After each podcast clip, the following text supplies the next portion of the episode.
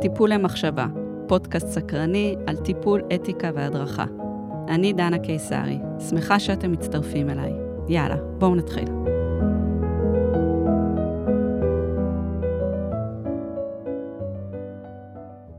האם קרה לכם פעם שהתחלתם סשן בקליניקה, אבל הרגשתם במקום אחר? האם יוצא לכם להרגיש הצפה, נתק או מוסכות תוך כדי סשן, או תוך כדי שיחה ועבודה? האם קורה לכם שהמוח עמוס בהמון מחשבות בבת אחת? שהנפש מוצפת בכל כך הרבה רגשות ודאגות, שיש ערפול ממש. המצב הזה, שיש לנו הרבה מחשבות בבת אחת, הרבה רגשות בגוף, שחלקם אף מרגישים מתנגשים, הוא מצב מאוד טבעי ואנושי. במיוחד בתקופה הנוכחית, שהיא תקופה מלאת סטרס, חרדה ודאגות. כולנו נאלצים להתמודד עם ימים או רגעים של הצפה ובלבול. כמטפלים, גם בקליניקה, אנחנו רק אנושיים. יש לנו ימים עמוסים יותר ומוסכים יותר, וזה ממש ממש בסדר.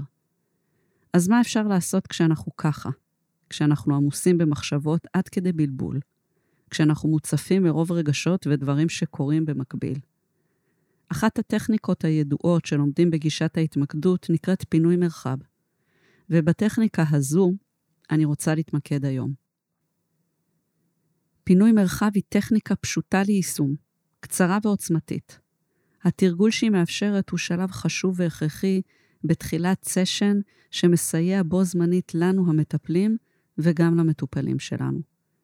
גם מחוץ לקליניקה, זהו כלי מעולה ליישום בחיי היום-יום שלנו, פינוי מרחב ממש עוזר לנו לווסת את עצמנו, לחזור לנוכחות כשמשהו מציף או מנתק, ובעיקר לקבל בהירות ולייצר מרחק בריא בינינו לבין כל מה שקורה.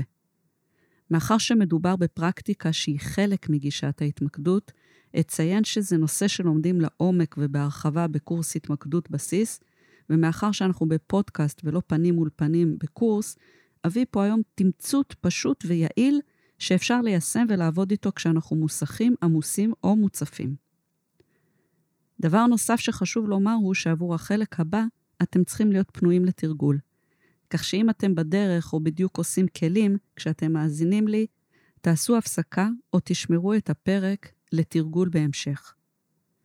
אז מה צריך עכשיו בשביל תרגול של פינוי מרחב כאן איתי? הכינו לכם פתקים צבעוניים או דף מחולק לכמה וכמה ריבועים. נצטרך גם טוש או עט, עיפרון, משהו לכתוב איתו. נצטרך משהו קשיח לכתוב עליו, אפשר גם סתם ספר או לוח כתיבה. וגם מקום להניח את הפתקים שנכין. כמו למשל שולחן שיהיה לפנינו, או מקום על השטיח או על הרצפה. עכשיו אפשר להתחיל. השלב הראשון הוא לשבת בנינוחות. קחו לכם כמה רגעים טובים. לארגן את המרחב שאתם יושבים עליו כרגע. כיסא, כורסה. תעשו הכי נוח שאפשר בנסיבות הקיימות. אפשר לעצום עיניים. לקחת שתיים, שלוש נשימות טובות, מלאות, עמוקות. ממש להכניס הכי הרבה אוויר שאפשר, ולהוציא את כל האוויר החוצה לאט-לאט.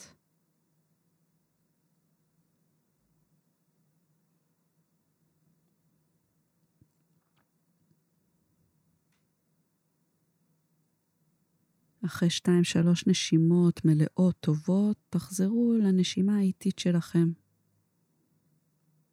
הרגילה, הטבעית, שאין בה מאמץ. רק לתת לנשימה לבוא וללכת. ותשהו כמה רגעים איתכם, עם הנוכחות, עם הנשימה, עם הגוף.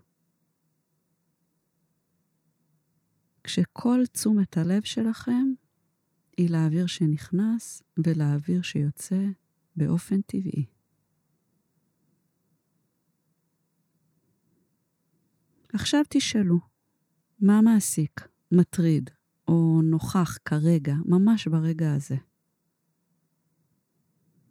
את מה שעולה נכתוב על פתק, ככותרת, כנושא, כמילה, כדימוי, משהו שמייצג את הנושא שעלה כרגע ומעסיק אותנו.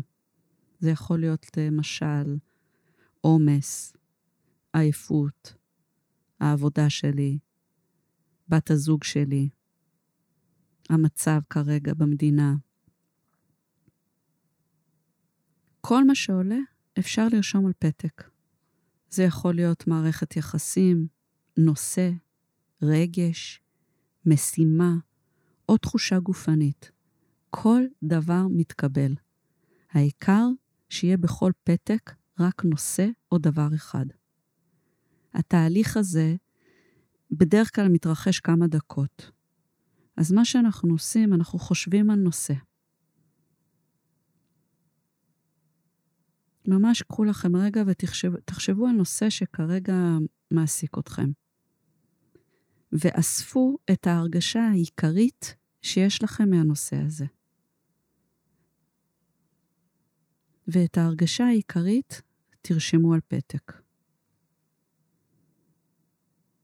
עצרו לרגע, אפשר לעצום עיניים ואפשר גם לא, לקחת נשימה או שתיים, ותבדקו שוב, מה עולה עכשיו? מה עוד יש שם שמעסיק אותי כרגע? ושוב, הפנו את כל תשומת הלב שלכם, את כל המודעות שלכם לנושא הבא שעלה. ואיספו את ההרגשה העיקרית שלכם ממנו וכתבו אותו על פתק. תחזרו על התהליך הזה בין שלוש לחמש פעמים, עד שתרגישו שסיימתם. ושיהיו מונחים מולכם שניים, שלושה, ארבעה, חמישה פתקים.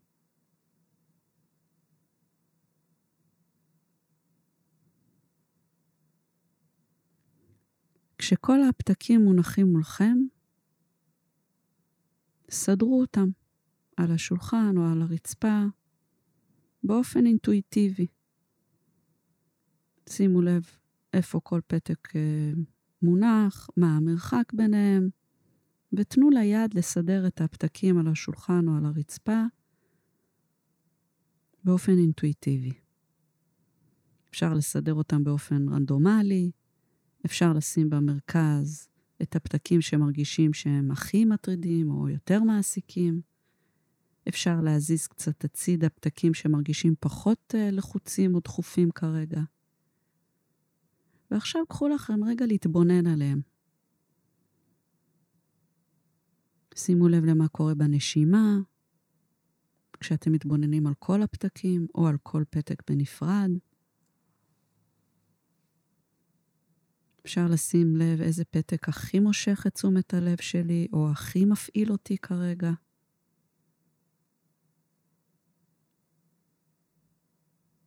אחרי שניקח כמה רגעים להתבוננות הזאת, נבדוק עוד משהו, את המרחק בינינו לבין הפתקים. האם אנחנו במרחק נכון, אנחנו והפתקים? האם הם קרובים מדי או רחוקים מדי, או אנחנו קרובים מדי? אפשר לדייק את המרחק הזה אם זה ממש מולנו, ואפשר ממש לקום, להתרחק, להסתובב בחדר, ולבדוק איך זה בשבילי כשאני קצת יותר רחוקה כרגע, או רחוק מהפתקים. אבל אני יודעת שהם שם. אני בוחרת את המרחק מהם.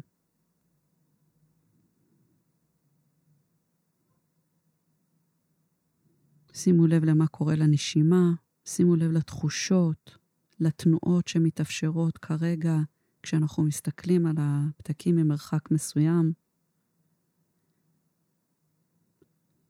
ועכשיו נסו למצוא את המקום שנכון לכם רגע להישאר בו, לעמוד או לשבת, במרחק שנראה לכם הכי מתאים מהפתקים,